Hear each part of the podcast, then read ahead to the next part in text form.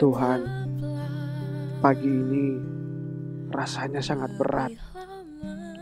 Entah aku harus menyambut bulan baik ini dengan perasaan yang seperti apa.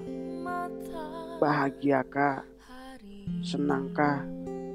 Atau lagi-lagi harus kuawali dengan sebuah tangis dan ingatan yang terluka.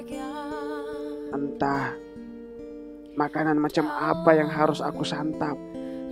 Sementara semua makanan rasanya sangat hambar di pandanganku. Bukankah sahur harusnya dilewati dengan penuh kegembiraan dan kesyukuran? Tapi satu-satunya kegembiraan dan kesyukuran yang aku miliki adalah kenangan terakhir sahur di ruangan tengah dengan keluarga yang utuh dan ruang telah mencuri itu. Bukankah sahur harusnya dilewati dengan makan secukupnya? Tapi satu-satunya rasa cukup yang aku miliki adalah kenangan terakhir saat menemani ibu yang terburu-buru memasak hidangan sahur. Sembari menunggu ayah membangunkan adik-adikku serta mendengar celoteh adik-adikku yang kebingungan memilih mana makanan yang akan disantap terlebih dahulu. Dan waktu juga sudah mencuri itu. Tuhan bukankah bulan baik tidak hanya berbaik hati pada kebaikan, juga pada ingatan baik seorang anak yang sedang menahan rindu sesak di dadanya.